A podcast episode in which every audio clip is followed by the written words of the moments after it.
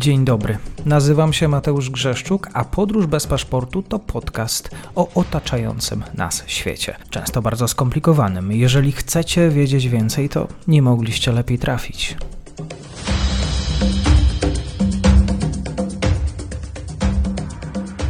Partnerem odcinka jest Oanda, TMS Brokers, dom maklerski obecny na rynku już od ponad 20 lat. W opisie odcinka znajdziecie link do aplikacji, w której możecie otworzyć konto maklerskie i grać na giełdzie, a wcześniej potrenować na koncie demonstracyjnym. Jeżeli otworzycie konto za pośrednictwem tego linku, dostaniecie na start książkę o tematyce inwestycyjnej. Zapraszam, Mateusz. Dzień dobry Państwu, dzień dobry wszystkim słuchaczom. Za mną jest dzisiaj dr Damian Szacawa, Uniwersytet Marii Curie-Skłodowskiej w Lublinie, Instytut Europy Środkowej. Kłaniam się, dzień dobry. E, dzień dobry Mateuszu, dzień dobry Państwu. Wielkanoc, luterańskie święto, e, Wielki Dzień Modlitwy dzisiaj jest tematem naszej rozmowy. Troszkę może warto zejść e, z poziomu i rozmawiamy często o tej wielkiej geopolityce. Dania również jest w centrum wydarzeń, stara się być w związku z rosyjską inwazją na Ukrainę, ale również również i przy tym temacie, nawet społecznym, pojawi się wątek bezpieczeństwa. E, duńskie władze chcą e, zwiększyć e, wydatki na wojsko i w związku z tym, to był początek właściwie tego roku, parlament po debatach przegłosował zniesienie tego dnia wolnego od pracy. Rzeczywiście tu pojawiły się oszczędności? Może, może zacząłbym od tego, że e, faktycznie trudno dzisiaj rozmawiać o jakichś procesach społecznych czy gospodarczych bez uwzględnienia tego kontekstu bezpieczeństwa i wojny w Ukrainie, ponieważ to wszystko ze sobą się bardzo mocno wiąże.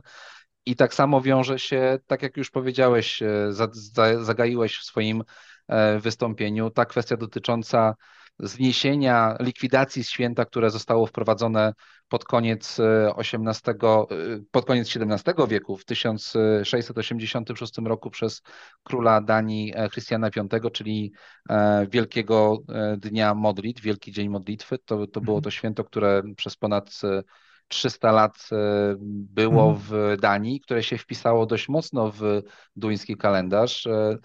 I to było święto tak naprawdę, które oczywiście też ewoluowało, tak jak e, ewoluowała ewoluowały postawy religijne społeczeństwa duńskiego. Ono w tym momencie jest dużo, dużo bardziej zlaicyzowane niż miało to miejsce w przeszłości. E, I w ostatnim czasie, tak na dobrą sprawę, to święto, które przypadało w każdy czwarty piątek po e, niedzieli wielkanocnej, więc to było święto ruchome, no, kojarzyło się raczej z dwoma innymi rzeczami. Znaczy, po pierwsze, kojarzyło się z tym, że robiło się coraz cieplej, więc to był fajny okres do tego, żeby jednak wyjść z rodziną, pospacerować i skorzystać z tego dnia wolnego. A druga taka tradycja to jest tradycja związana z bułeczkami pszennymi, e, które kiedyś pieczono pieczono dzień wcześniej, e, po to, żeby no, mieć wolne właśnie w ten wielki dzień e, modlitwy, no i e, należało je wtedy tylko odgrzać, tak? Więc to jest mhm. taka, ta, ta, taki kontekst historyczny. Natomiast ten kontekst bezpieczeństwa no, wiąże się z tym, że premier Mette Frederiksen, gdy ogłaszała tą, te, te plany rządu koalicji centrowo, centrowej w Danii dotyczące likwidacji tego, tego święta, no to wskazywała że e, jest, ona, jest ono bardzo mocno powiązane z sytuacją e, bezpieczeństwa w Europie, inwazją Rosji na Ukrainę, no i tymi planami Danii dotyczącymi zwiększenia wydatków na obronę. W, mhm. przy, przypomnijmy, to jest bardzo długa perspektywa, dlatego że w marcu 2022 roku, też o tym kiedyś rozmawialiśmy, e, Duńczycy postanowili, że zwiększą swoje wydatki na zbrojenia, tak aby w perspektywie 2033 roku osiągnąć osiągnąć ten pułap 2% e, wydatków PKB przeznaczanych na obronę. E, żeby jeszcze naświetlić e, obecną sytuację, to, to według danych NATO Duńczycy mhm. w tym roku wydadzą około 1,65% PKB na wydatki obronne. No i to w zasadzie to było, i teraz przechodząc do Twojego pytania, mhm. czy to się faktycznie tak stanie? Znaczy, no, premier Frederiksen która e, mówiła o tym, że te wydatki, że to święto zostanie zlikwidowane jeszcze w trakcie kampanii e, parlamentarnej jesienią ubiegłego roku. Mówiła o tym, że to ma dać, to ma pozwolić tak naprawdę Duńczykom skrócić ten czas dojścia do tych 2% PKB o 3 lata, czyli w tym momencie według tego ostatniego porozumienia z końca maja 2023 roku Dania powinna osiągnąć te 2% w ciągu do 2030 roku. Mhm. E, czy to jest realne? E, no to, to też są tutaj oczywiście głosy podzielone, dlatego że mówimy oczywiście o e, oszczędności, albo inaczej, no może nie tyle oszczędności, co dodatkowe wpływy do budżetu z tytułu podatków, które miałyby być wypłacone tak jakby za, za dochody mhm. osiągnięte tego dnia. To jest kwota 400 milionów euro. Mhm. Więc to jest, to, to, to jest tego rodzaju kwota, no i to ona ma docelowo zasilać budżet obronny. Jak to będzie z, faktycznie w przyszłości, no to, to, to bardzo w tym momencie trudno mi przewidzieć i um, ja widziałem sporo analiz ekspertów, którzy, którzy mówili, że to będzie, że to nie będzie, że to się nie przełoży, tak? Oczywiście co innego jest uzasadnienie danego projektu, natomiast różnie może być z jego realizacją później w przyszłości. Mhm. Duńczycy z łatwością dają sobie odebrać taki dzień wolny? Nie, dlatego że e, no po pierwsze e, była dość duża debata w parlamencie, e, były protesty dość liczne, bo protesty, które gromadziły, zgromadziły około 50-60 tysięcy osób przed duńskim parlamentem.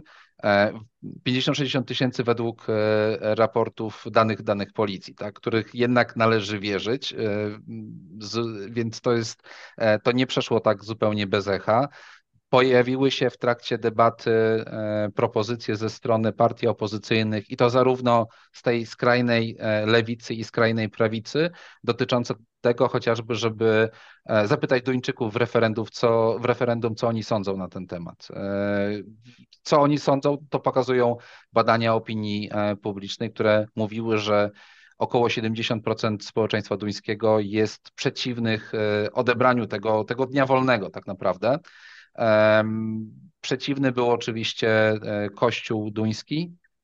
Mm, zresztą nikt tak, tak na dobrą sprawę e, tego z nim nie konsultował.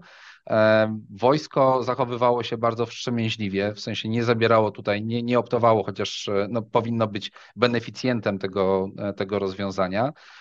Co więcej, no, pojawiły się zapowiedzi ze strony kilku partii e, prawicowych, tego, że no w trakcie kolejnych wyborów e, no to oni uczynią e, ten punkt tak jakby przywrócenia tego święta jako jeden ze swoich, ze swoich postulatów. Mhm. Więc no, no nie przeszło to tak zupełnie bez echa. Mhm.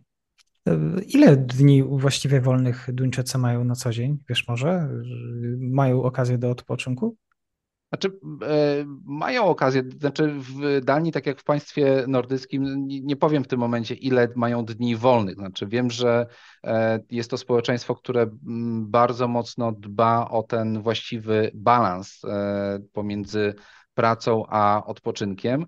Natomiast no to, to nie są, e, nie ma tutaj tych dni tak dużo, jak było kiedyś, bo jeżeli sobie przypomnimy, i też trochę wracając do historii, wprowadzenie tego e, dnia, który miał być dniem przeznaczonym na e, pokutę, na zadośćuczynienie, na, na takie modlitwę, krótko mówiąc, no, wiązało się z tym, że zrezygnowano z 22 dni, które były wcześniej i wprowadzono ten tak naprawdę jeden dzień. Znaczy kiedyś w Danii tych dni wolnych od pracy, a mówimy tutaj o tym XVII, XVII wieku, było zdecydowanie więcej, bo wtedy był i trzeci dzień Bożego Narodzenia i Święto Trzech Króli e, i różne uroczystości maryjne. Natomiast wraz z przejściem e, Duńczyków e, tak naprawdę z reformacją, z wprowadzeniem Kościoła Narodowego, Kościoła Luterańskiego, no to te, te, te reformy postępowały, no i to one oczywiście nakładały się na reformy społeczno-gospodarcze, na zwiększone zapotrzebowanie na pracę. Mhm. Duńczycy sporo pracują. To naród, który ma jakiś etos wpisany. Tak, znaczy pracują, e, pracują dużo, e, ale no, jeżeli sobie popatrzymy na, na, na te dane, które dotyczą liczby godzin, które, które oni przeznaczają tak naprawdę na pracę, no to to nie są, my pracujemy więcej w Polsce. To nie są jakieś tam bardzo, bardzo duże różnice, ale, ale jednak my pracujemy więcej. E, natomiast oni patrzą dużo bardziej na te kwestie dotyczące jeszcze efektywności pracy, e, więc to jest, to jest coś, czym oni tak naprawdę mm, walczą, tak mierzą się w tej e, global, gospodarce globalnej. Jeżeli pojawią się środki dodatkowe w budżecie duńskim, pozostaje nam zapytać, czy zostaną wydatkowane w dobry sposób. No to jest też bardzo dobre pytanie, dlatego że Oczywiście to jest cały program dotyczący zwiększenia wydatków e, Danii do tego poziomu 2%, natomiast wciąż jeszcze otwarte pozostaje pytanie, na co te środki pozostaną, e, przeznaczone. No i tutaj jest kilka możliwości. E, no, po pierwsze, są to obszary, w których Dania prowadzi aktywną politykę zagraniczną i politykę bezpieczeństwa i jest to przede wszystkim obszar Arktyki oraz w coraz większym stopniu region Morza Bałtyckiego, więc mamy tutaj zarówno do czynienia z potrzebą e, wzmocnienia, rozpoznania tego, co się dzieje w, na dalekiej północy. W Arktyce to są bardzo duże przestrzenie, więc e, być może część z tych środków zostanie przekazana na przykład na program budowy dronów, które będą monitorowały, obserwowały te obszary, które będą miały daleki zasięg. Część z tych środków zostanie pewnie przeznaczona na E, odbudowę tych zdolności zimnowojennych, czyli zdolności, budowę stacji radarowych, odbudowę stacji radarowych na przykład na Wyspach Owczych. Mm, część z tych środków zostanie przeznaczona też na e, tak zwane koszty związane z porozumieniem pomiędzy Stanami Zjednoczonymi a Danią, które jest obecnie negocjowane, czyli to porozumienie wojskowe, e, które przewiduje, że Duńczycy będą udostępniać swoje porty e, morskie, będą udostępniać bazy lotnicze dla e, sił amerykańskich, no i będą ponosić koszty związane z kosztami tak zwanego państwa gospodarza. Jest mowa tutaj o kwestiach związanych z Bałtykiem, czyli rozbudowa, tak naprawdę odbudowa marynarki wojennej, duńskiej marynarki wojennej, e, nowe okręty patrolowe, również nowe fregaty. E, natomiast to jest program długookresowy, bo on zakłada e, perspektywę roku 2052, jeśli dobrze pamiętam. No i jest wreszcie kwestia lotnictwa. Dotarły już pierwsze myśliwce F-35, mają do, w kolejnych latach mają dotrzeć kolejne. Pamiętamy o tym, że Duńczycy obiecali przekazanie F-16, e, przynajmniej części F-16 e, Ukrainie, która toczy wojnę z, z Rosją. No i pozostaje oczywiście kilka wyzwań. No, jednym z najpoważniejszych to jest, e, to jest sytuacja kadrowa w duńskiej armii, która jest armią kontraktową, ale w której no, w coraz większym stopniu żołnierze nie wypełniają całego kontraktu, tylko odchodzą, kończą tą, tą służbę wcześniej. Więc e, są plany, e, może one nie są do końca jasno określone, natomiast no, to są też olbrzymie, olbrzymie sumy, bo mm, te, te plany, o których ja tutaj wspomniałem, one są znacznie wykraczające poza e, tą kwotę 2% PKB przeznaczonych na obronność. Bardzo dziękuję za dzisiejszy komentarz. Doktor Damian Szacawa, kłaniam się. Okej, okay, dzięki. Dziękuję serdecznie za odsłuchanie tej audycji. Zachęcam oczywiście do kliknięcia subskrybuj, obserwuj oraz wsparcia mojej pracy na serwisie Patronite. Do usłyszenia.